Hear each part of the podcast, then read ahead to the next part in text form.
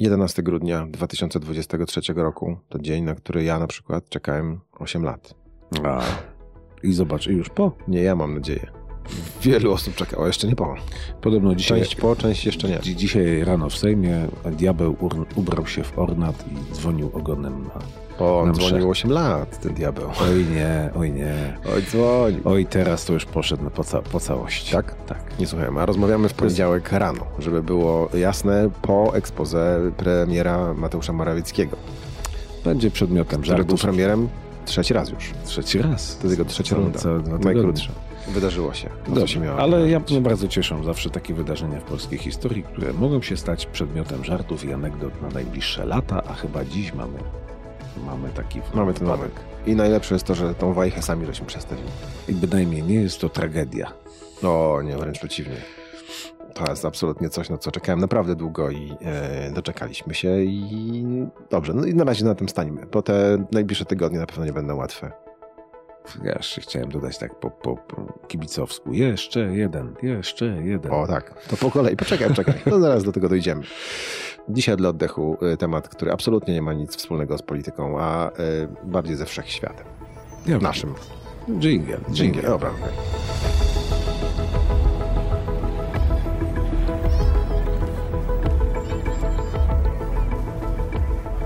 Nagranie i produkcja podcastu szumstudio.pl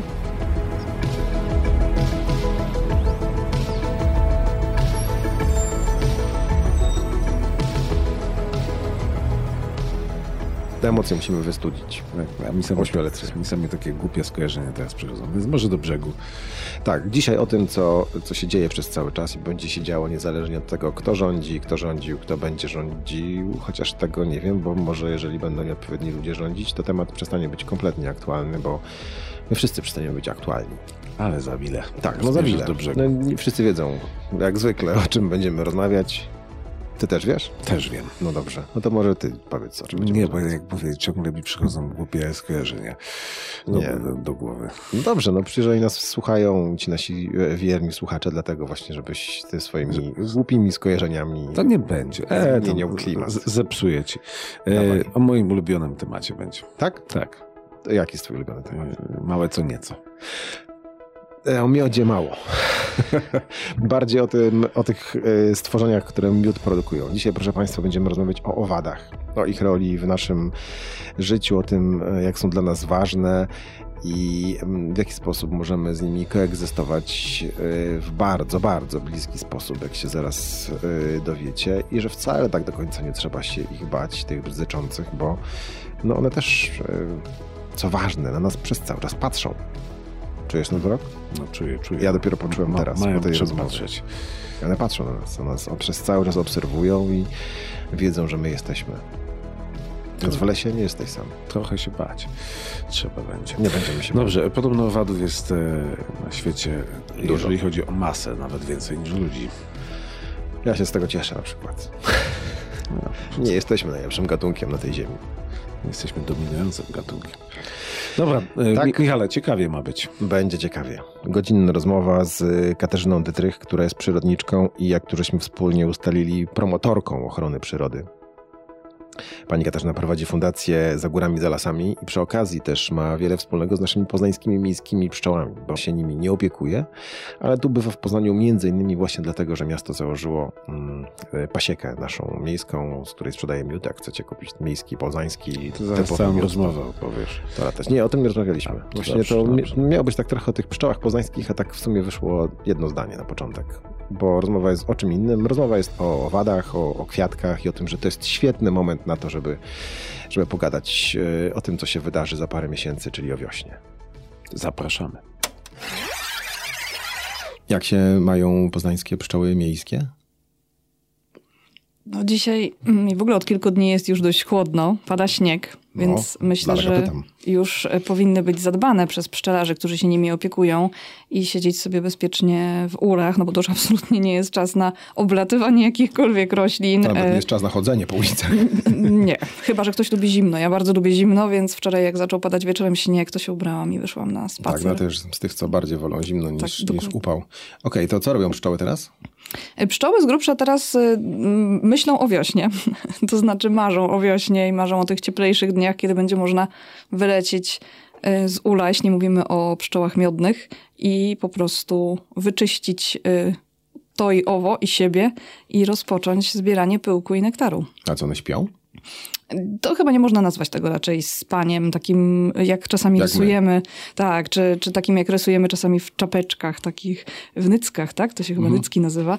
E, czy, czy w jakichś koszulach. Nie, nie, absolutnie. Tam się cały czas dzieje, bo e, trzeba pamiętać, że pszczoły, czy w ogóle owady mm, nie mają takiej magicznej właściwości jak my, to znaczy nie, nie są w stanie utrzymać stałej temperatury ciała. Więc żeby nie zamarznąć, one muszą e, się ruszać. I tam w środku w ulu akurat Się jest, dzieje. tak, jest kłąb, coś, co się właśnie nazywa kłębem i tam te pszczoły cały czas się przemieszczają.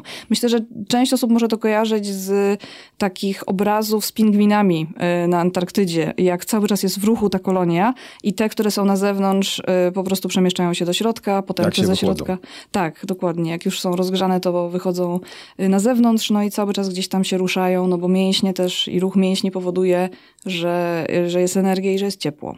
Czy one są zamknięte w tym ulu tak na cały, na te parę miesięcy? Pół roku Tak, właściwie, tak? tak, tak. No, no właściwie, znaczy ciepło to już się zaczyna robić tak, no to, to różnie, no bo teraz też ciężko, ciężko dokładnie powiedzieć, jak to jest, no bo też mamy zmianę klimatu i trochę nam się te różne zjawiska pogodowe y, rozjeżdżają. Tak. Dokładnie, ale to raczej tak już marzec y, ze spokojem. Ym, Są takie, są takie wiosny, kiedy bez problemu pszczoły wylatują właściwie już w marcu, bo już się zaczyna robić ciepło. Bywa też i tak dramatycznie, że są takie grudnie, kiedy y, po prostu zaczyna się robić nagle bardzo ciepło. Kilka stopni. Dokładnie. I teraz proszę sobie wyobrazić, jaki to jest problem w ogóle. Nie tylko dla pszczoły miodnej, ale chociażby nawet dla motyli, bo niektóre motyle zimują też w postaci y, dorosłej. Mm, No i wtedy taki motyl y, po prostu w takim bardzo ciepłym grudniu y, rozbudzony y, wychodzi. Dzwoni i, budzik. Dokładnie. I w ogóle o co chodzi? Gdzie tu jest jedzenie? A przecież nic nie kwitnie, tak? Nic jakby nie daje tego nektaru, tej energii, którą, której, ener- której owady będą potrzebowały mm, właśnie na wiosnę. Więc tak, więc zdecydowanie zmiana klimatu i w ogóle ta różnica, to co się dzieje właśnie, czy w grudniu, czy chociażby te anomalie, które mieliśmy teraz, wrzesień, październik, wszyscy się z tego bardzo że o, tak ciepło, a ostatnio usłyszałam właśnie taką, y, takie przepiękne y, stwierdzenie, taką właściwie dłuższą wypowiedź, że a gdybyśmy tak zaczęli w ogóle inaczej układać prognozy pogody y, i bardziej je formułować na zasadzie właśnie takiej trochę przerażającej, katastroficznej, że kurczę, kolejny dzień września czy października jest tak ciepło, jakby było lato. Czemu nas to nie... No, myśli pani, że ktoś by oglądał takie prognozy? No nie, Katastroficzne. nie, wiadomo. Znaczy ja też nie jestem fanką katastrofizmu w ogóle Wiadomo, wszyscy się cieszą, że jest słońce i że jest ciepło. Ale to jest taka uciecha bardzo krótkoterminowa. Natomiast w dłuższej perspektywie Konsekwencje to, są poważne. Tak, to nie wróży niczego dobrego, więc... Ym, no, może się warto czasem nad tym e, zastanowić. Ale to tak jak Olga Tokarczuk mówiła, że my potrzebujemy nowego sposobu, e, żeby opowiadać o świecie. I to jest właśnie chyba taki przykład. Między innymi te prognozy pogody, czy, czy w ogóle to, w jaki sposób opowiadamy też właśnie o owadach, o zapylaczach, w ogóle o przyrodzie. E, Ale nie tylko, też i o gospodarce, o ekonomii, o wszystkim. No doszło do tego, że w telewizji mówią, że będzie padać e, i czasami powtarzają i bardzo dobrze, że będzie padać, bo jest sucho. Tak. Tego nie było kiedyś. Bardzo tego Więc potrzebujemy. gdzieś tam tak, to się bardzo, zmienia. bardzo tego potrzebujemy, tej radości z deszczu. Yy, I myślę, że no, mam nadzieję w każdym razie, że właśnie dziennikarze też będą na to patrzeć z tej perspektywy, że rzeczywiście. yy, musi powiedzieć. No właśnie, no właśnie. Dobra, Ale- mówimy im. Tak, Słuchajcie, powoli. patrzcie na pogodę i czasami możecie powiedzieć katastroficzne informacje, a nie tylko te świetne, że jest słońce. Dokładnie, ale najlepiej zawsze dodać kapkę, jak w tej katastrofie sobie radzić. Znaczy nie tyle z pogodą, co po prostu co można zrobić, żeby chociaż w minimalnym stopniu mieć mniejszy wpływ na tę katastrofę. No to nie w prognozie pogody. No nie, no nie, ale zawsze gdzieś coś można obudować. No właśnie to są te nowe sposoby opowiadania o świecie, które musimy sobie, które musimy sobie wymyśleć, także wszystko przed nami. Edukacja myślę, że nam oferuje dzisiaj tyle różnych możliwości, wątków i sposobów, że zawsze... dużo. No właśnie, No zawsze to coś można idziemy w takim kierunku, że każdy będzie miał swoją opowieść o świecie trochę. No nie, to znaczy w sensie właściwie każdy z nas jest trochę opowieścią też na swój sposób, ale y, w tę opowieść warto mieć. Natomiast no, fakty są faktami i tutaj oczywiście można y, o nich opowiadać na różne sposoby, ale wciąż fakty są faktami. To wracamy do pszczół. Czy taki program jest w Poznaniu, te kilka czy kilkanaście uli, to, to ma sens? Czy to jest tylko taki raczej program promocyjno-medialny? Znaczy, miejskie pasieki generalnie mm, zrobiły się bardzo modne od no jakiegoś czasu. O tym mówię. Mm, I z jednej strony to dobrze, bo jeszcze parę, paręnaście lat temu bardzo tego potrzebowaliśmy. Bardzo mało się mówiło, jak sobie spojrzymy w takie historyczne jakieś materiały, to naprawdę mało się mówiło w ogóle o zapylaczach, o ich roli w naszym codziennym dobrostanie. No, pszczoła miała robić miód. Dokładnie. Pszczoła to był głównie miód, przynajmniej w Polsce, bo akurat w Ameryce to trochę inaczej wygląda, ale myślę, że tam sobie gdzieś prędzej czy później dojdziemy do tego wątku. Mm, ale w Polsce właśnie pszczoła to głównie miód i... Mm, i rzeczywiście y, tak najczęściej się to łączyło. Wiele z nas y, jakby korzysta z miodu y, w różnych celach i czy z innych produktów od pszczelich i to gdzieś zawsze był taki dość, dość wąski świat. A dzisiaj jesteśmy już w momencie i mówię o tym po prostu naprawdę bardzo, bardzo z wielką radością. Widzę, tak, z, z, wielką uciechą. Widoczna radość. Mam nadzieję, że to też słychać. Słyszalne, tak. absolutnie. E, bardzo mnie to cieszy, e, bo mówi się coraz więcej o właśnie tym, jak pszczoły wpływają no właśnie na nasz, naszą na codzienność, na nasz dobrobyt. I to jest coś cudownego. I bardzo się cieszę, że to się zmieniło. I myślę, że mm, w ogóle miejskie pasieki też się do tego przyczyniły, bo to była jakaś forma popularyzacji e, tego tematu zapylaczy pszczoły miodnej, ale myślę, że dla wielu osób, w tym też zwłaszcza tych młodszych, to jest bardzo ważny wątek, żeby się w ogóle oswajać z owadami.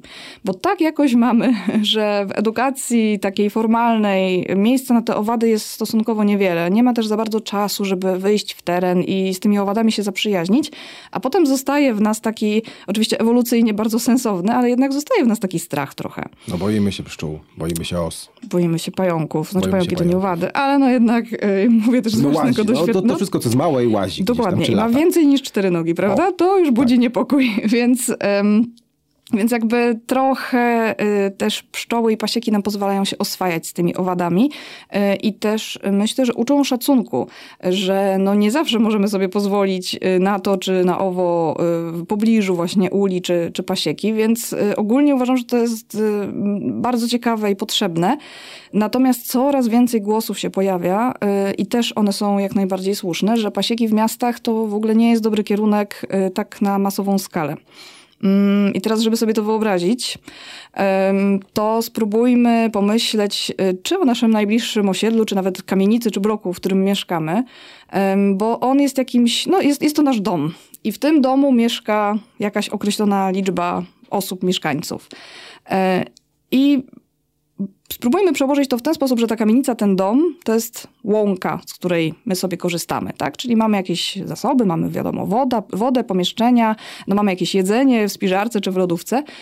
I teraz wyobraźmy sobie, że nagle do tego naszego domu przynosimy albo przychodzi nam, no niech będzie, 50 tysięcy osób.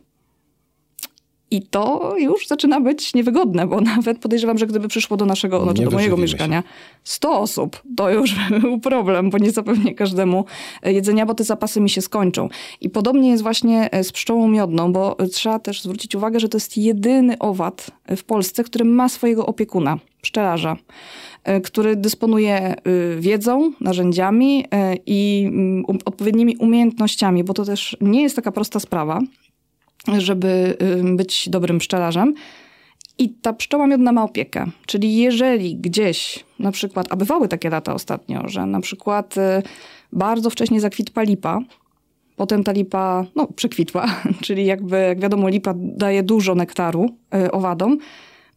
Jeżeli gdzieś pszczoły potrzebowały pożywienia, stały na przykład ule y, i w pewnym momencie w okolicy po prostu no, była susza, jak jest nie susza. było pożywienia. Dokładnie, nie było pożywienia.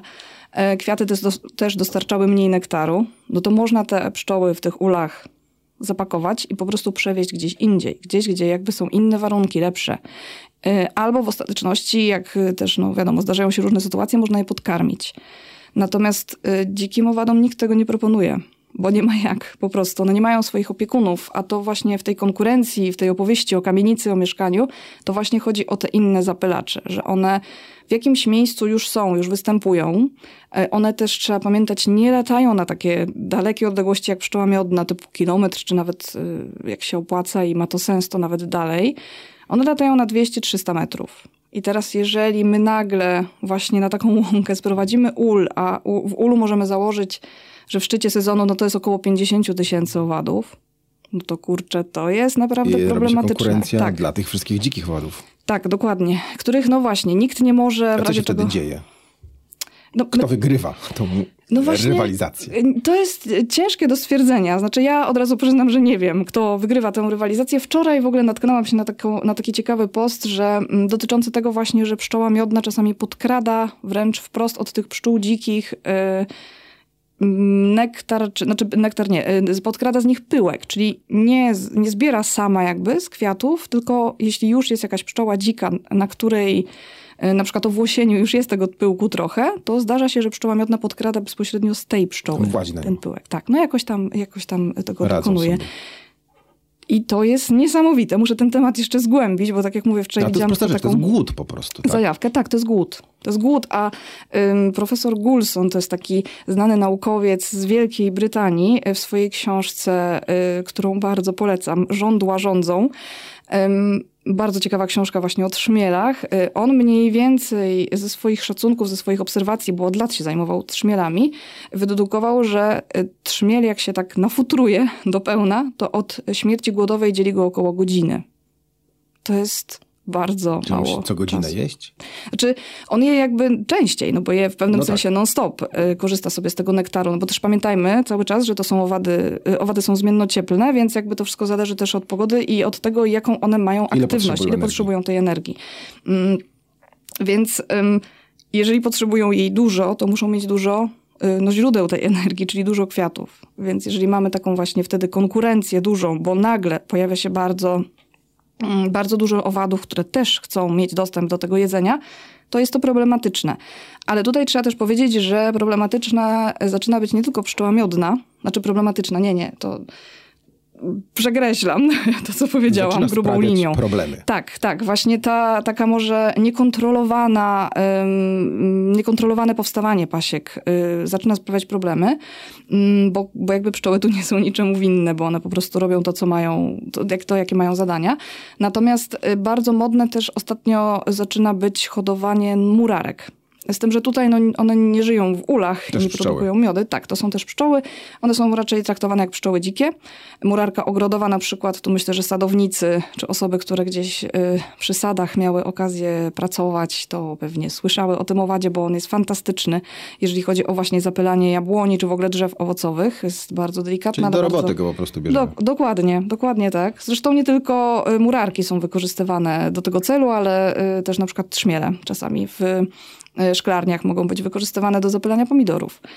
Więc y, zaczyna to być o tyle, pro, znaczy w sensie, że hodowla murarek też zaczyna być problematyczna, ym, taka niekontrolowana, no bo to też jest tak, że jeżeli ktoś kupuje sobie na przykład 10 tysięcy kokonów i potem z tych 10 tysięcy kokonów mamy 10 10 tysięcy y, owadów, które no muszą coś jeść po prostu, no to też zaczyna to być kłopotliwe, a też w większości przypadków jest tak, że pszczoły czy w ogóle owady muszą mieć tak samo jak my różnorodną dietę. No nie mogą jeść tak jak Tylko rzepaku no, na przykład. Na przykład tylko rzepaku, albo tak jak my byśmy jedli, nie wiem, przez miesiąc zupę pomidorową na śniadanie, obiad, kolację i jeszcze w ramach deseru. Więc to byłoby trudne, chociaż rzeczywiście są takie owady, są takie pszczoły, które mają bardzo, bardzo wąski bardzo wąskie zapotrzebowanie na pokarm, to znaczy korzystają tylko z niektórych gatunków y, kwiatów. Ale to jest jakby zupełnie inna historia. Y, Po prostu jakby też, y, to nawet zdaje się, że polski naukowiec prowadził takie badania y, dotyczące właśnie tego, jak się rozwijają larwy pszczół i tutaj wynikało, że właśnie te, które są odżywiane różnorodnym pokarmem rozwijają się lepiej niż te, które są na przykład karmione tylko jakimś jednym rodzajem.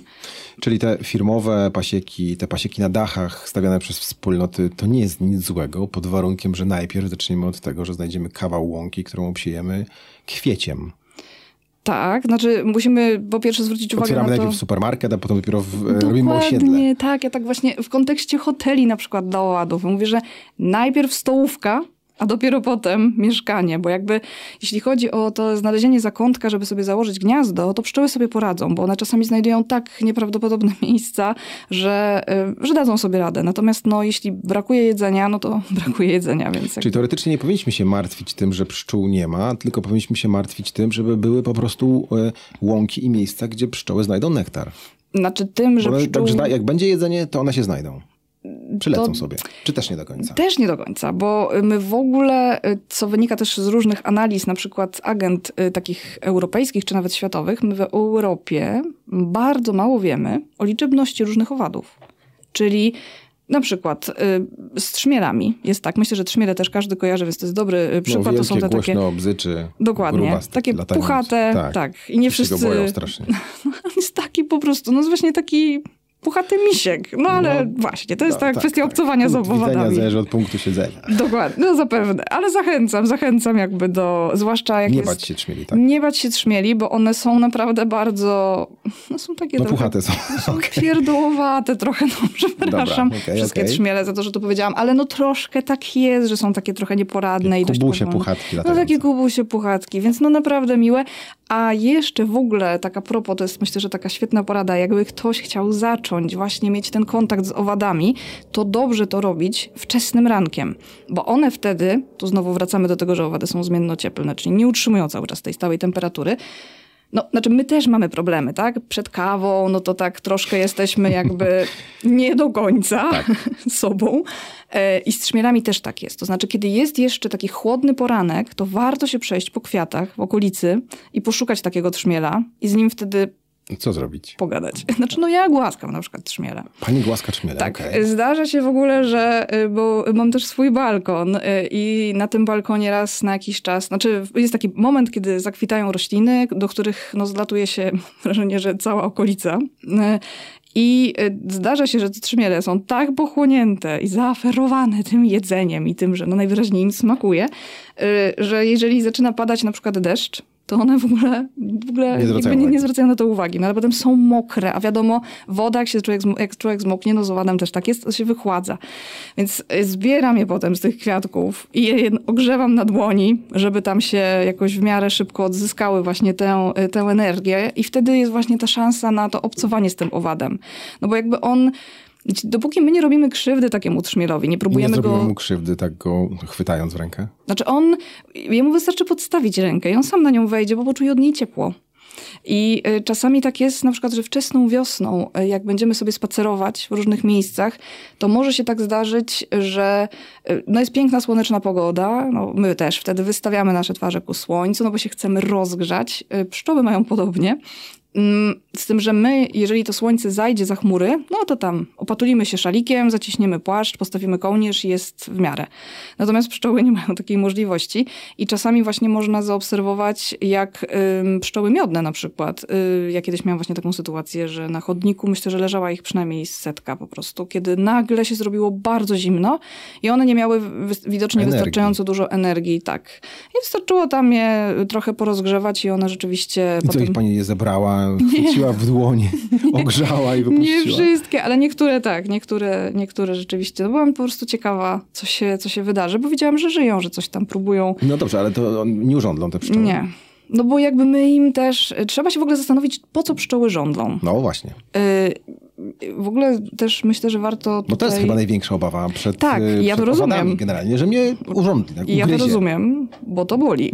No. jest to jasna sprawa. Jeśli ktoś y, wie, albo nawet albo nie wie, a podejrzewa na przykład, że jest uczulony na jad, no to rzeczywiście to może być groźne. Mm, Natomiast ym, y, pszczoły, znaczy w ogóle u pszczół tylko dziewczyny mają żądła.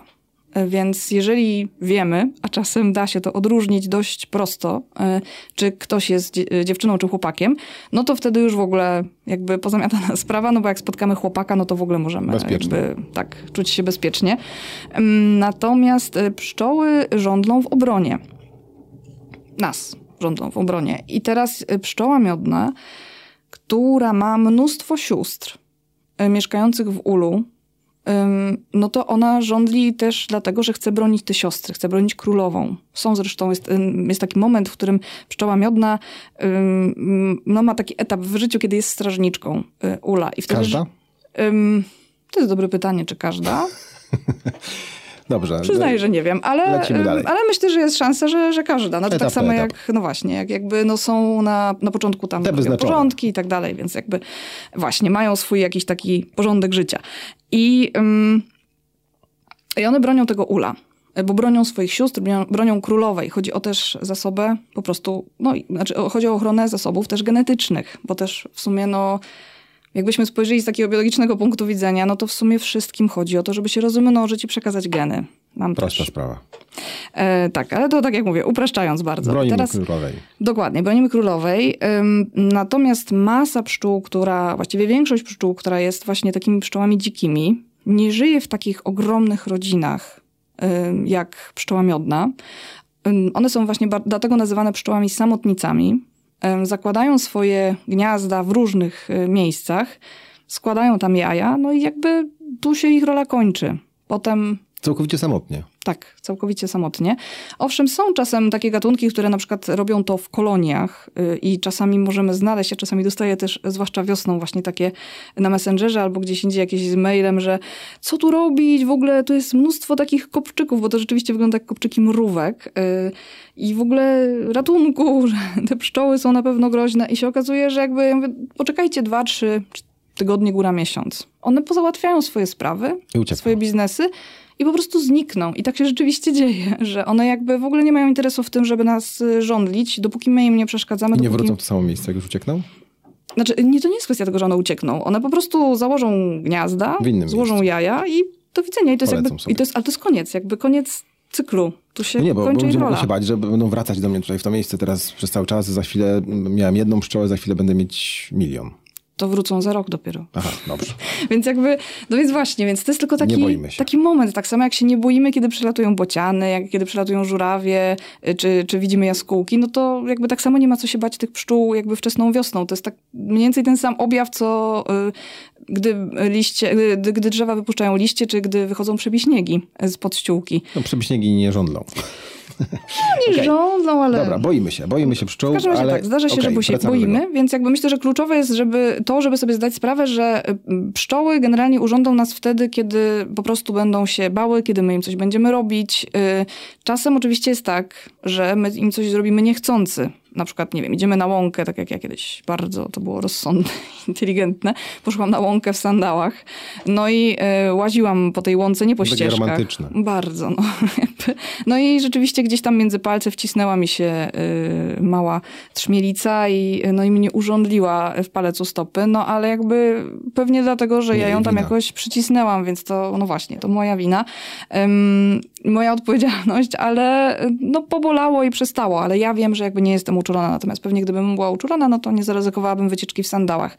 Ale no właśnie, to jest... Da się sprawdzić? Jeszcze tak przy okazji zapytam, czy jesteśmy uczuleni, w jaki sposób?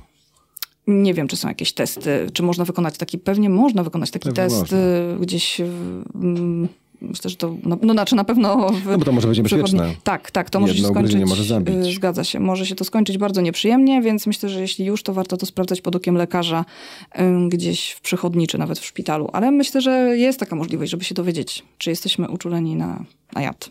Dobrze, no to jakby ta psz- pszczoła przelatuje, widzi na naszym stole coś słodkiego, no to pierwszy, pierwszy odruch jest taki, że odganiamy ją. I to jest to właśnie zagrożenie już pewno dla Ale niej. Czy pszczoły, znaczy tak, to rzeczywiście jak my ją tam zaczynamy ym, Machać, krzyczeć. machać, krzyczeć, to, to to nie jest dobry pomysł. Pszczoły też czasami trzmiele na przykład, y, jak właśnie chodzę po łące, to one bardzo często podlatują i one robią taką obczajkę trochę. Co ja jestem? Czy ja jestem kwiatkiem? Czy ja jestem w ogóle? Kim ja jestem? Co ja tu robię?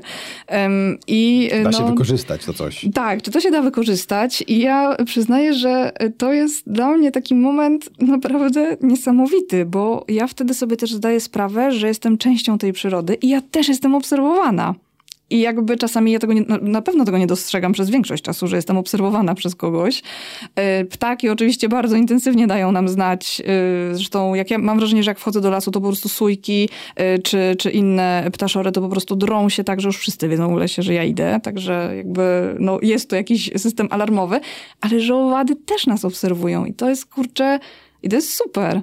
E, Bo wtedy, znaczy ja traktuję wtedy to, znaczy traktuję to w taki sposób, że staję się częścią ich świata. I że one mnie trochę do tego świata zapraszają. E, A my idziemy do lasu szukać samotności. Czyżby? Znaczy, a nie idziemy do lasu szukać trochę właśnie innych Dobrze, bodźców? teraz, teraz mamy chodzić, szukać towarzystwa owadów po prostu. No, więc teraz idziemy na łąkę. No i na tej łące właśnie mamy te, mamy te owady i rzeczywiście, jeżeli tak jest, że mamy w sobie taką obawę, że coś się może wydarzyć, to najlepsze, co jest zrobić, to po prostu poćwiczyć sobie takie stanie. po prostu stanie. Żeby nie machać rękami, a już na pewno nie krzyczeć, bo y, wtedy, i to się czasami zdarza dzieciom, że no ten owad y, z grubsza, on nie ma takiego jakby...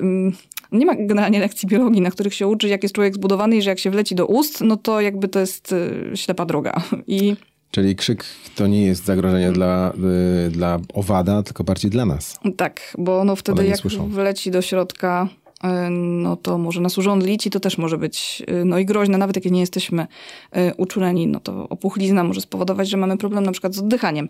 Więc absolutnie tego nie robimy, po prostu poczekajmy i poobserwujmy, co się dzieje.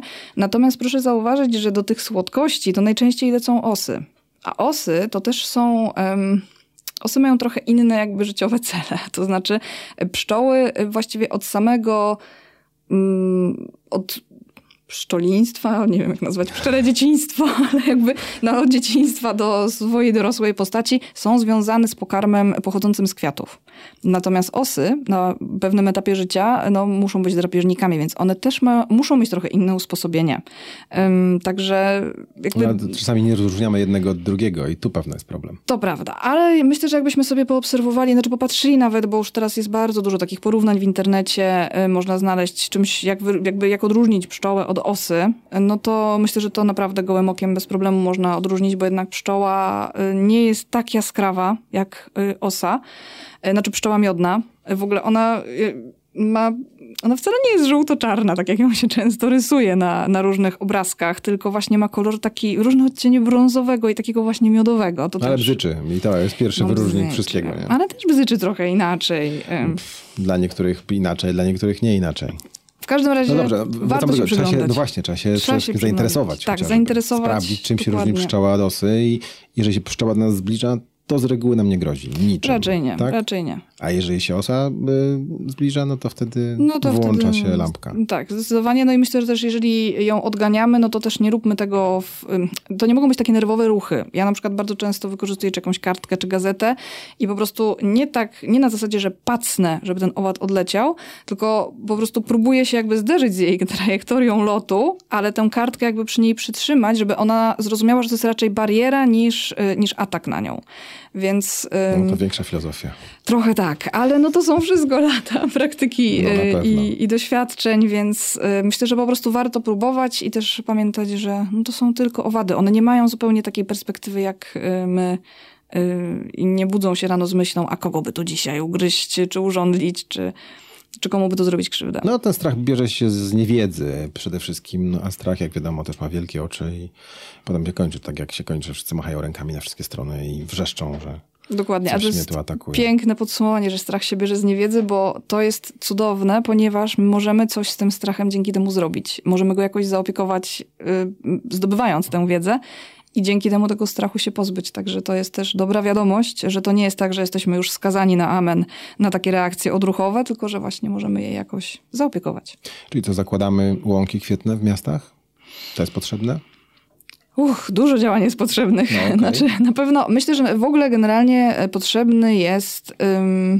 hmm, potrzebna jest rozmowa, dialog o pszczołach, o owadach, o zapylaczach i też sprawdzenie, jakie my mamy potrzeby, y, jakie mieszkańcy mają potrzeby, jakie właśnie ma potrzeby biznes, czy, czy właśnie inni, inne osoby, które są no też częścią y, tego miasta i spróbować to wszystko połączyć, bo też nie wszystkie takie działania, jakbyśmy chcieli, nie wiem, zakładać pasieki gdzieś bardzo wysoko, to też niekoniecznie ma sens, no bo po co ta pszczoła ma zużywać energię na latanie 10 100 czy metrów. 15, dokładnie, tak? Jakby to jest, y, to jest coś zupełnie nienaturalnego, więc po co to, po co to robić? Powstają w ogóle takie głosy w różnych y, miejscach, w różnych miejscowościach, takich dużych, przeważnie dużych miastach, y, ze strony naukowców, żeby żeby zaprzestać stawiania kolejnych pasiek, że jakby to, co mamy, tak, w miastach, że to, co mamy, to już jest i to już wystarczy. I na przykład w Trójmieście pojawiły się takie właśnie e, postulaty, żeby jakby już powiedzieć stop, że to wysycenie jest naprawdę bardzo, bardzo duże. To, co możemy zrobić, no to nie tylko wysiewać łąki, bo też nie każdy ma taką przestrzeń i możliwość, bo jednak miasta są dość no, gęsto nasycone architekturą y, i tym, tymi wszystkimi budynkami, które nas otaczają. To, nie, to, to, co słychać, to nie są pszczoły, tylko to są panowie, którzy tutaj nas dręczą od paru miesięcy. Słyszy I mnie? pracują jak pszczółki. No nie, nie, nie. Nie. Nie porównywałbym. Okej. No ale generalnie słychać ich. No słychać, słychać, ale trudno, jakby nic na to Okej. nie, nie, nie możemy poradzić. E, więc ym, więc Mamy mamy jakby dużo. gęsto, więc nie każdy ma taką możliwość, żeby łąkę założyć, więc możemy coś zrobić i na naszym balkonie, bo, bo owady jakby, no na przykład ja też mam balkon, co prawda na pierwszym piętrze, więc dość, więc dość nisko, ale no przylatuje tam naprawdę cała chmara przeróżnych y, owadów, y, i motyli, i pszczół, i os, y, jakby mnóstwo, mnóstwo różnych, więc one jak najbardziej korzystają. Mm, No i można jakby też e, spróbować y, i prosić y, miasto o to, żeby tworzyło właśnie takie przestrzenie, że na przykład jeżeli gdzieś jest rewitalizowany park, to żeby chociaż część tego parku e, z jednej strony była obsadzona gatunkami, które dają to pożywienie, e, a z drugiej strony, żeby trochę chociaż tych naszych terenów, czy to, będą, to, czy to będą tereny na działkach, czy to będą właśnie tereny w naszym ogródku, mm, żeby zostawiać takie niezagospodarowane. Bo też cały, cała rzecz polega na tym, żeby te pszczoły miały też miejsce do gniazdowania. A Zagospodarowane, czyli po prostu niekoszone, dzikie tereny. na przykład po prostu miejsce, które tak sobie zostawiamy Tam i ono nic nie się... trzeba wysypywać, Tak, żadnych nasionek, nic, po prostu nic, zostawić, po niech prostu. sobie będzie jak jest. Dokładnie. Możemy skosić trawę tam raz na jakiś czas, ale no jakby niekoniecznie podejmujmy nie wiadomo jak bardzo intensywne działania związane, no nie wiem, z nawożeniem na przykład, czy, czy z jakąś jeszcze innego rodzaju pielęgnacją. Można też część ziemi, jeśli mamy taki gęsty bardzo trawnik, część ziemi odsłonić do piachu, bo y, bardzo dużo pszczół, właściwie to większość, gniazduje w ziemi. Nie no w ulach to tylko pszczoła miodna, ale właśnie niekoniecznie w domkach, tylko właśnie w ziemi. I y, niektóre z nich y, są naprawdę, to jest moim zdaniem jakieś inżynierskie, kosmiczne po prostu y, zdolności mają niektóre, bo... Miliony lata ewolucji. No, no to też prawda, to też prawda, ym, że są w stanie, mając centymetr długości, są w stanie wykopać korytarze na 40 czy 60 centymetrów głębokości. No w ogóle wow, wyobraźmy to sobie i przełóżmy to na siebie. Ja byłam przez wiele lat harcerką, instruktorką, więc wiem, co znaczy kopanie dołków. No tak. E, no jakby Niełatwe zadanie. Nie jest to łatwe zadanie, e, więc naprawdę ile to się trzeba napracować, żeby wykopać takie gniazdo w ziemi. Także myślę, że warto zdecydowanie i obserwować i właśnie jak ja te kopczyki gdzieś widzę wiosną i wiem, że to jest właśnie pszczele dzieło, to sobie tak myślę, ja, to są właśnie po prostu, zresztą one po angielsku się nazywają mining bees. E, To są pszczolinki, prześliczne, bardzo puchate, ale przepiękne owady, przepiękne pszczoły. I sobie myślę, kurczę, górnicze pszczoły, no w ogóle to jest niesamowite, ile one są w stanie wykopać, jakiej głębokości te korytarze właśnie. Także polecam e, obserwowanie, no i cieszenie się na te kopczyki, bo to znaczy, że nasza okolica oferuje na tyle dużo i jedzenia, i miejsca, żeby właśnie e, móc tam po prostu sobie swobodnie egzystować. Dobrze, skończyli. Więc odrobina przestrzeni w naszym ogródku dla pszczół i radość z kopczyków. O, to tak Dobrze, podsumowując. jak one wyglądają, te kopczyki, żebyśmy je rozpoznali? Takie po prostu kopczyki? Po prostu Małe? kopczyki Ale z dziurką. Tam, ile to ma? Aha, kopczyk z dziurką, taki Kopczyk z wulkanik. dziurką. No trochę to przypomina takie mrowiskowe kopczyki. Aha, okej. Także myślę, że no, tak, Ile na kilka 10 centymetrów kilka w górę. centymetrów. No, no, także... Nie bać się, zostawić nie, nie, i poczekać, aż, aż pszczoły uciekną. Tak, załatwią swoje sprawy i opuszczą. A co my będziemy mieli z tego, że te pszczoły u nas zamieszkają razem z nami? Pszczoły W generalnie... miastach, może tak, W miastach. bo wiadomo, na polu one mają swoją robotę do wykonania. Mhm. Znaczy one w ogóle ich głównym zadaniem, które, żeby było śmieszniej, jest w ogóle zadaniem przypadkowym, jest zapylanie. To znaczy one po prostu latają... One nie y, wiedzą, że zapylają. Nie wiedzą, nie, nie budzą się z taką myślą, mmm, będę dzisiaj zapylać. Nie, nie. To, Nie, myślę, uuu, jestem głodna. tak, dokładnie tak. Coś bym zjadła. E, tudzież zjadłyby coś te moje małe, e, rozwijające się dopiero larwy. I, e, no i po prostu muszą lecieć w poszukiwaniu pokarmu.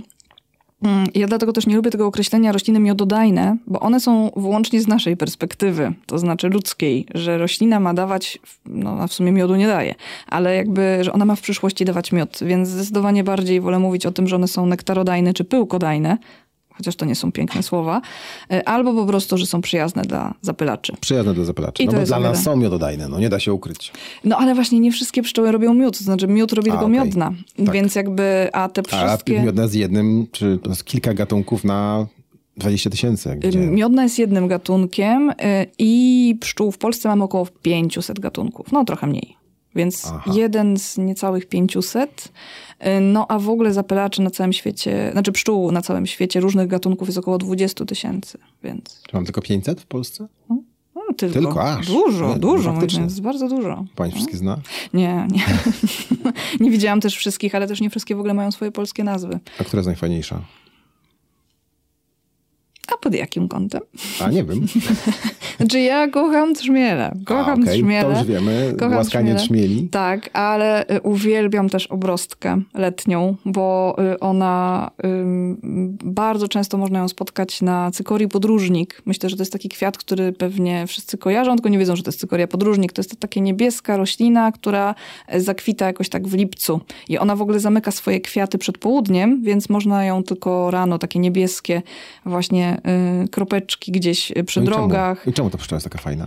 No, y, właśnie dlatego, że ona jest w ogóle włochata też dość. y, I samica ma trzecią parę nóg, bardzo mocno owłosioną. y, Do tego stopnia, że to przypomina, że jakby nosiła spodnie. Więc jest bardzo, no jest po prostu bardzo ładna.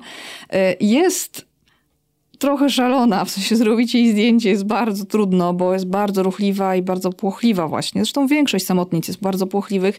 To jest też chyba powód, dla których my ich nie zauważamy. Tak na co dzień w naszym Unikają życiu. nas. Bo po prostu nas, one nas unikają. Poza tym niektóre są maleńkie, bo mają około 7-8 mm, więc e, też no, trzeba na nie specjalnie zwrócić uwagę. No ale obrozka jest całkiem spora, bo tam ma centymetr z hakiem. E, No i rzeczywiście uwija się po prostu jak szalona na tych kwiatach i ma tak gęste, włochate właśnie te, te, te, tą trzecią parę odnóży po to właśnie między innymi, żeby zbierać y, na tych nogach pyłek więc, z kwiatów. Więc no, niesamowity to jest widok i dla mnie to jest taki jakby mm, taki billboard z napisem lato. Lato się już zaczęło. Chociaż w przyrodzie oczywiście wiele innych nam e, rzeczy mówi o tym, że już jest lato. No, dla każdego z inny sygnał. Tak, dokładnie, Dla ale jest... dla mnie Jak to jest się nazywa ta pszczółka? obrostka letnia. Obrostka. Dla pani jest obrostka. Tak, dla mnie jest To lato. obrostka właśnie już taką To jest taka jedna lata. straszna y, czarno-fioletowa pszczoła. No ona nie jest taka straszna, a jest Makabryczna. Ale jak ona się błyszczy. No tak, no nie, no w ogóle jest piękna, tak, Mhm. tylko że jest taka straszna trochę, nie? No jest duża. O właśnie, Tak, duża jest i duża. czarna. Jest duża i czarna. Czarno-fioletowa, Tak, co gorsza. Czarno-fioletowa, to prawda, to prawda. No ale też jest niesamowita, bo ona jest w stanie wygryźć sobie w drewnie korytarza. Ona potrzebuje spróchniałego drewna do życia. Więc też to są specyficzne dość warunki i wygryza sobie właśnie w tym drewnie e, korytarze, tam składa jaja. No i e, przez jakiś czas jej nie obserwowaliśmy w ogóle w Polsce. No ale trochę nam się klimat zmienia, bo to jest w ogóle pszczoła, którą można zaobserwować bez problemu, jak się na przykład spędza wakacje nad Morzem Śródziemnym. Ona lubi ciepło. Więc y, myślę, że jest szansa, że jak gdzieś wyjedziemy w te rejony, y, to możemy ją no, albo w Polsce spotkać, albo właśnie, y, albo właśnie nad morzem. A jaki stosunek jest w tej chwili pszczół miodnych do, do pszczół niemiodnych w Polsce? Też bym chciała to wiedzieć. Okej. Bardzo bym chciała to wiedzieć. I to jest właśnie to, o czym wspominałam wcześniej, że my nie wiemy. Bardzo wielu rzeczy nie wiemy. Nie ma na przykład, tak jak jest, y, tak jak mamy ptaki i jest y, przykładowo monitoring pospolitych ptaków lęgowych, y, nie ma czegoś takiego jak monitoring pospolitych gatunków pszczół. My coś wiemy o pszczole miodnej, bo jakby no, pszczelarze prowadzą różne rejestry i różne y, dane zbierają na ten temat. Y, Natomiast no, o To nie są dane dzikich- naukowe, takie cyfrowe. nie, no są, można, można je e, jak najbardziej analizować i one są analizowane na Ale są przykład. reprezentatywne? Wydaje no, mi się, wiemy, że, że, tak. nie wiemy, tak. Znaczy y, o pszczole miodnej wiemy, no bo to jest jakby cały czas aktualizowane. Natomiast o y, gatunkach dzikich wiemy bardzo mało, chyba że ktoś Czyli robi... mamy wiedzę o miodnych, nie mamy Tak, wiedzy nie mamy o wiedzy. niemiodnych, dlatego nie wiemy, jakie Tak, dlatego nie wiemy, proporcje. jaki jest ten, jaki jest ten stosunek. Em, Zdaje się, że znaczy któraś z agent y, Unii Europejskiej robiła właśnie takie y, analizy i wyszło, na, wyszło z tego, że my około, o około na przykład 50% gatunków w ogóle my nie wiemy, czy populacja rośnie, czy maleje, więc to nawet nie jest kwestia powiedzmy policzenia ich, tylko my nie wiemy, co się z nimi dzieje. Nie wiemy, czy one się mają całkiem dobrze, czy się mają w ogóle wręcz przeciwnie, niezbyt dobrze. Co w połączeniu na przykład z takimi newsami, jak ten, który się pojawił, który przyszedł do nas z Niemiec y, parę lat temu, że zmniejszyła się na terenie rezerwatów biomasa owadów o tam 70% zdaje się, no to zaczyna nas to trochę, mm, przyrodników to przynajmniej, zastanawiać. Tak, to działa na wyobraźnię. Mm, No i rzeczywiście no 70%, no to mówimy o biomasie, więc to też nie jest, nie chodzi o pojedyncze sztuki, tylko właśnie o, o, o masę tych wszystkich owadów, które tam były zbierane. Natomiast no można na tej podstawie określić, zwłaszcza jeśli to są jakieś dane z kilkudziesięciu, nawet kilkunastu lat, można zobaczyć jaki jest trend. A my trochę tego potrzebujemy, żeby widzieć, co się, Co się dzieje. dzieje. Tak.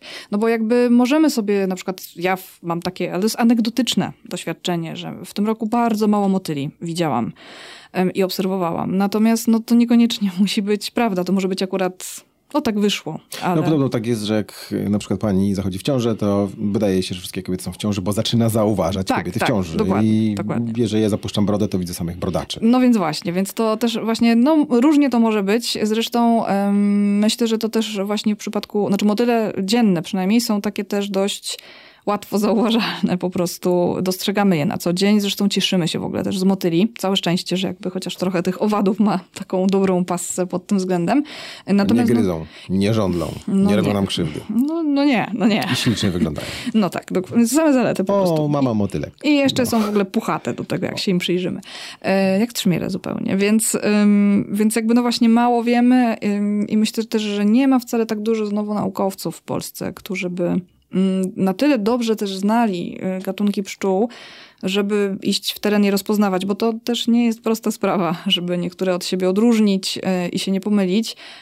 Zwłaszcza, że jeszcze mamy właśnie inne owady, które są do pszczół podobne, albo które, y, tak jak na przykład bzygi, to są muchówki, które trochę udają, znaczy trochę, czasami bardzo udają, że są pszczołami, dlatego że no, muchówki nie mogą nas urządlić, bo nie mają żądeł, więc e, po prostu przyjmują barwy takie ostrzegawcze, e, no po to właśnie, żeby przetrwać, czyli żeby jakby raczej zasygnalizować, że halo, halo, tu się proszę do mnie nie zbliżać, bo ja coś mogę. Mogę być pszczołą. Mogę być pszczołą. I ja sama kiedyś, co prawda byłam wtedy bez okularów w terenie, więc niech będzie, że mnie to tu trochę tłumaczy, ale y, z daleka jak próbowałam właśnie zrobić zdjęcie, byłam przekonana, że mam do czynienia z trzmielem. A tymczasem okazało się, że jak potem przeanalizowałam te zdjęcia, to była to trzmielówka łąkowa, czyli właśnie taka muchówka, która się bardzo, bardzo upodabnia do y, trzmiela i zdradziły ją po prostu później oczy, bo muchówki, bzygi mają takie, zresztą muchy, tak, mają takie ogromniaste oczy w stosunku do, do głowy, więc chociażby potem można je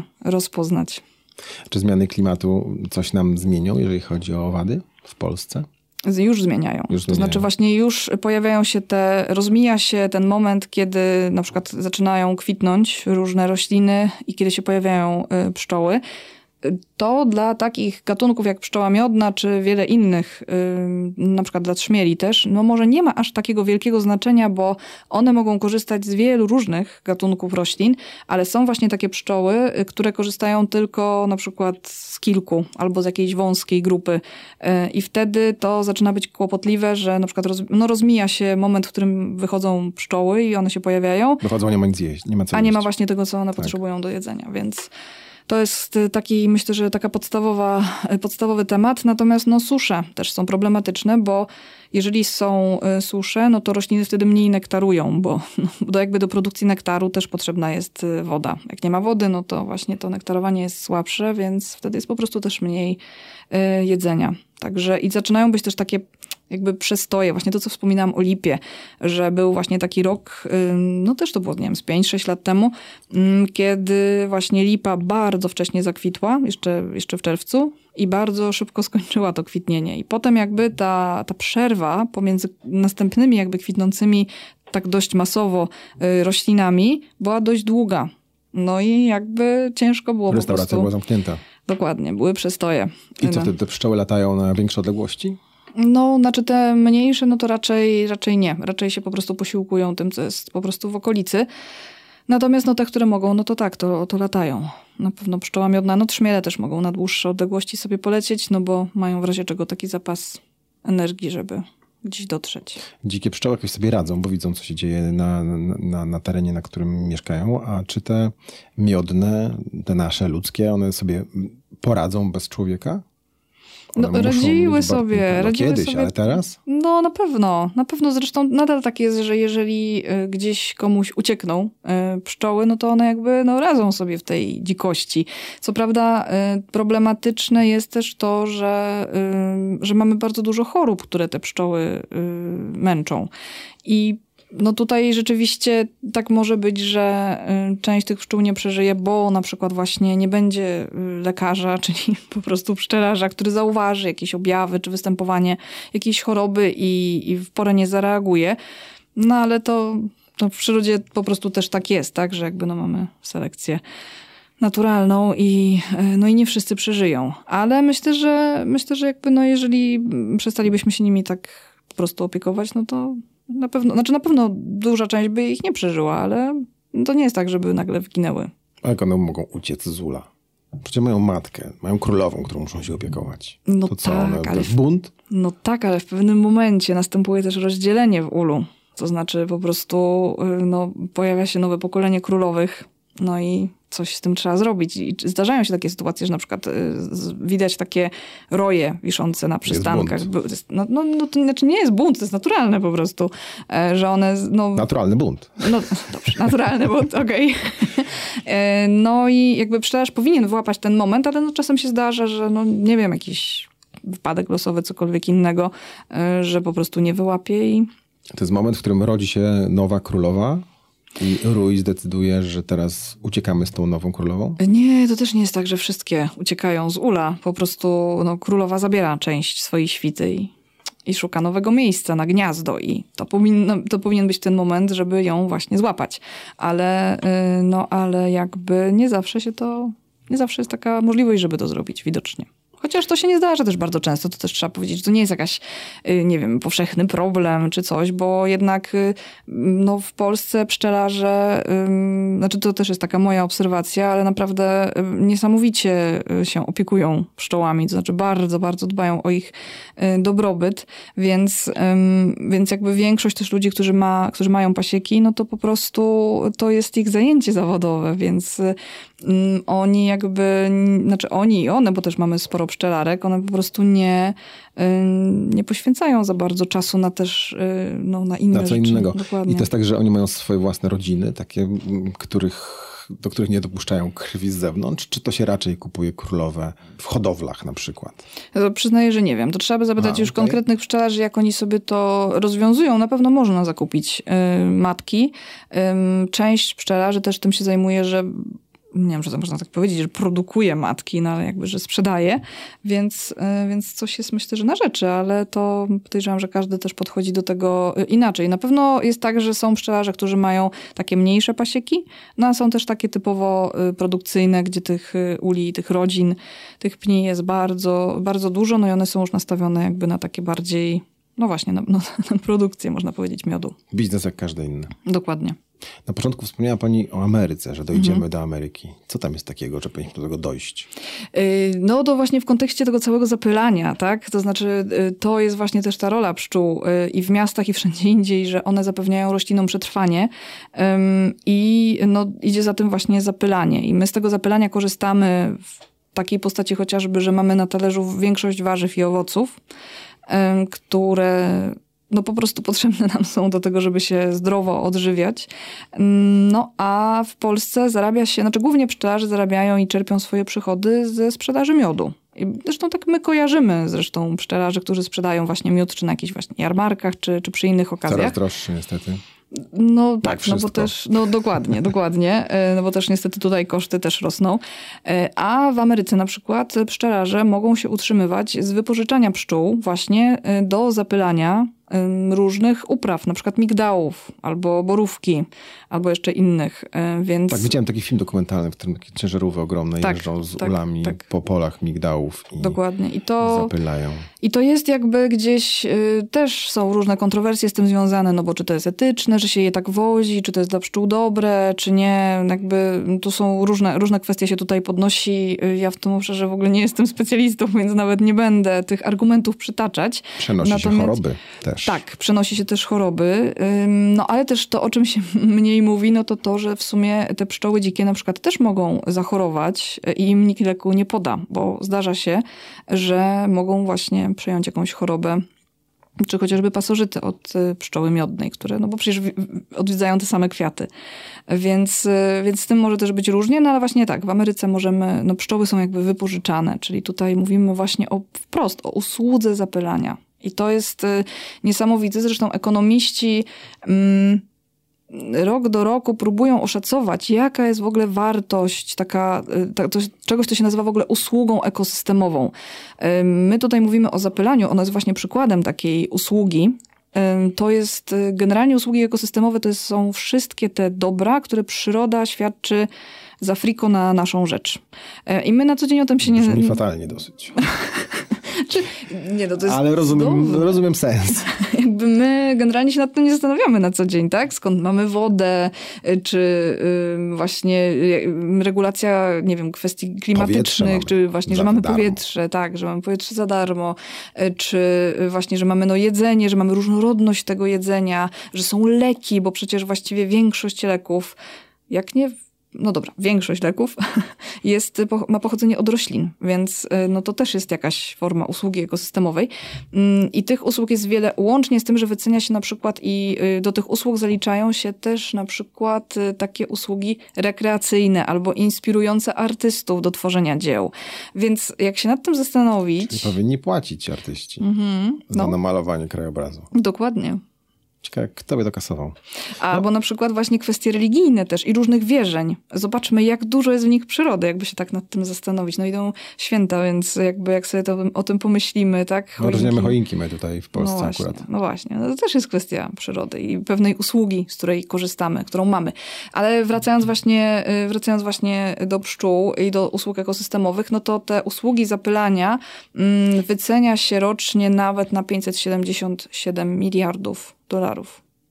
Dużo, Nie powiedziała. płacimy im nic. No i nie płacimy, więc e, ogrom, naprawdę ogrom, e, ogrom pieniędzy. E, jakby tak sumować wszystkie te usługi, to nie wiem, czy byśmy się jako ludzkość wypłacili, jakby nam przyroda taką fakturę wystawiła. To raz, a poza tym nie zastąpilibyśmy chyba pszczół niczym.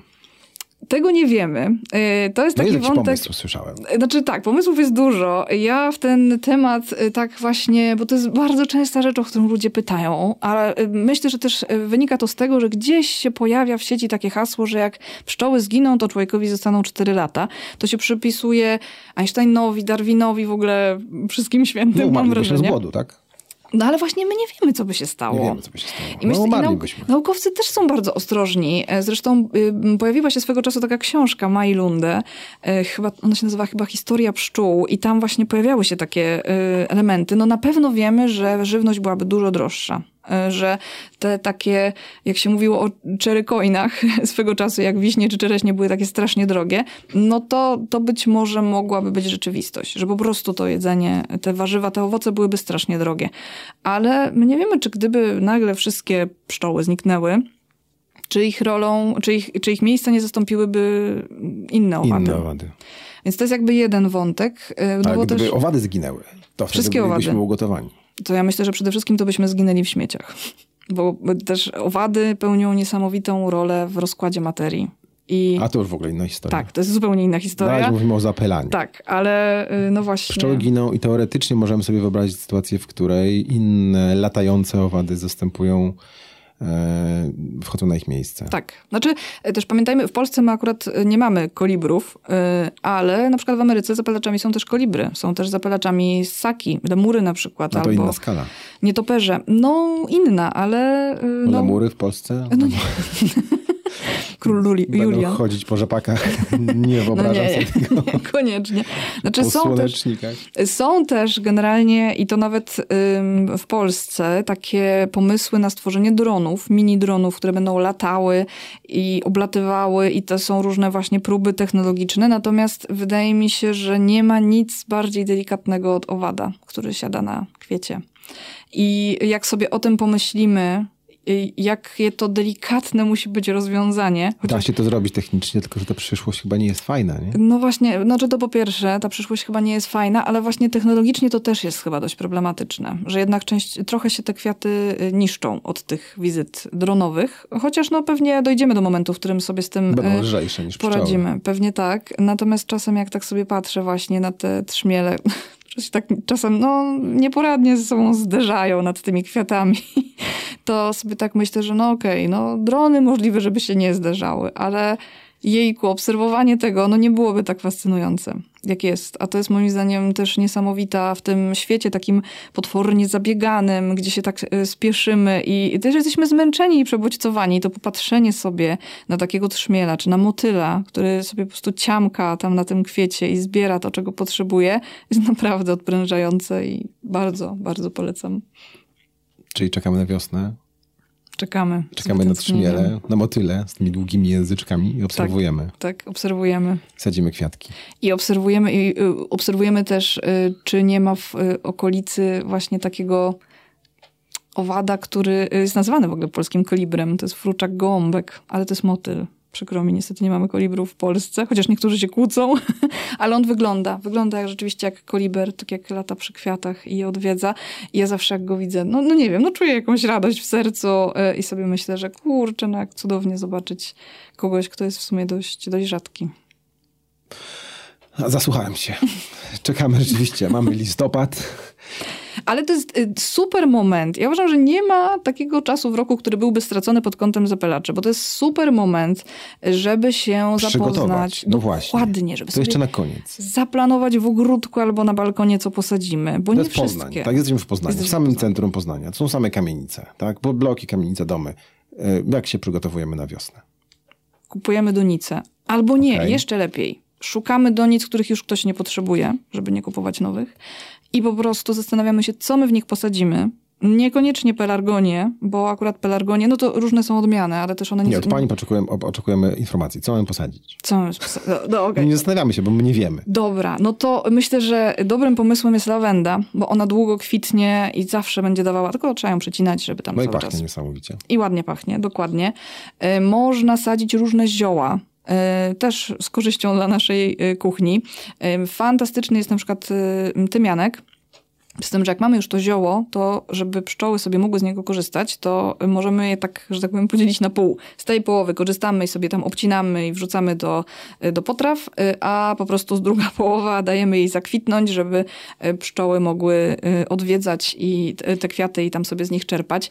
Mm, Myślę, że warto też zadbać, żeby na trawnikach były mniszki wczesną wiosną. Możemy, no teraz już nie możemy, bo już tam ziemia trochę zamarzła, ale no moglibyśmy cebulki powsadzać.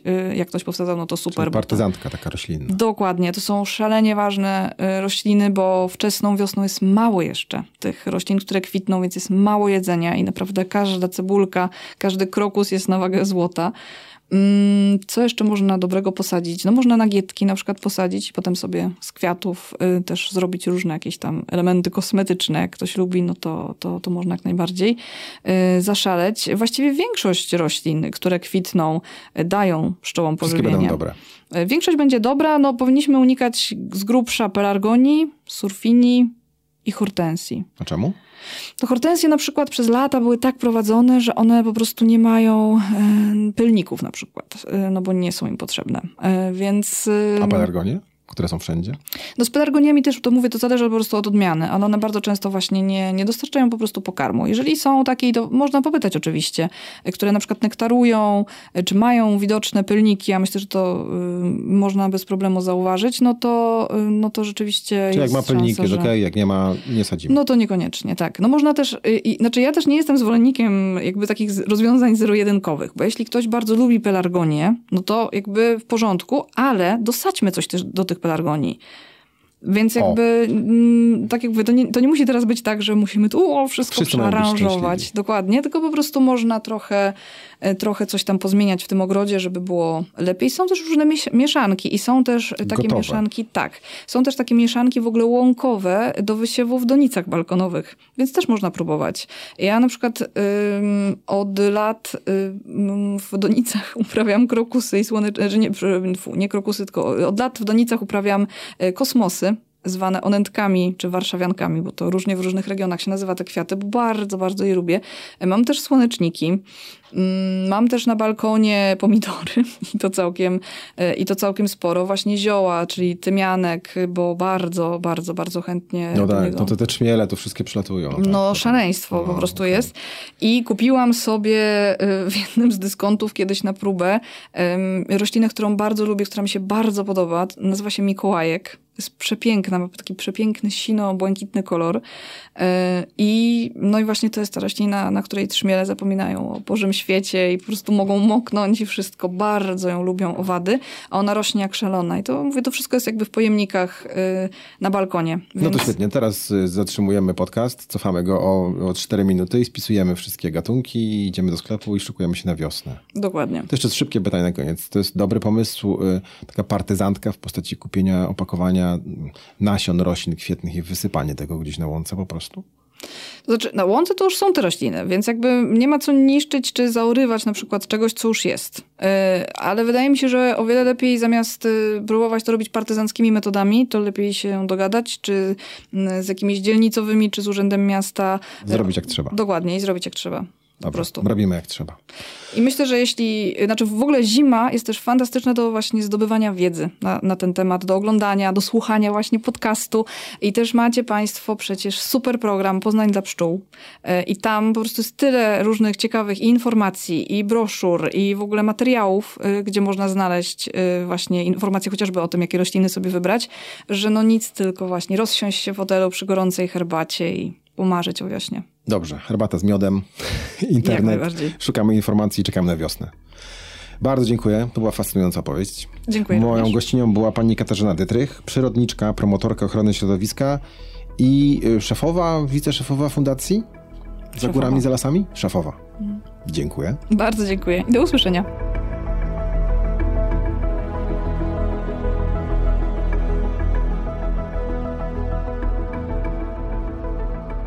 No dobrze, pobzyczyliśmy. Wiemy, że trzeba y, głaskać trzmiele, chociaż bym z tym trochę uważał jednak mimo wszystko na początek. Może wy- nie, nie słuchajcie y, rad pani Katarzyny tak od razu. y, Ja ci podrzucę zdjęcia moich trzmieli, bo mam ich zatrzęsienie. Dobrze, zdjęcia tak. Na razie ogranicz się do zdjęć. Do głaskania trzmieli chyba się przechodzi w, na czwartym, piątym No, etapie. Śliczne, puchate. Tak, no właśnie o to chodzi. One są śliczne i puchate. Dobra, to ja już zapowiadam, co będzie w czwartek. Bardzo proszę. Będzie, będę rozmawiał z prawdziwym biskupem o ladyboyach, kac w Bangkoku i inne takie ciekawe tematy. U, to teraz poważnie żeś poszedł. teraz z kolei odreagowujemy owady, tak? Tak, tak. Czyli Bangkok po pszczołach. Bangkok. Zbliżamy się do świąt. To o świętach też będzie. Tak, a i możemy Państwa od razu ostrzec już teraz. Ym, tematów świątecznych nie będziemy mieli. No może jeden.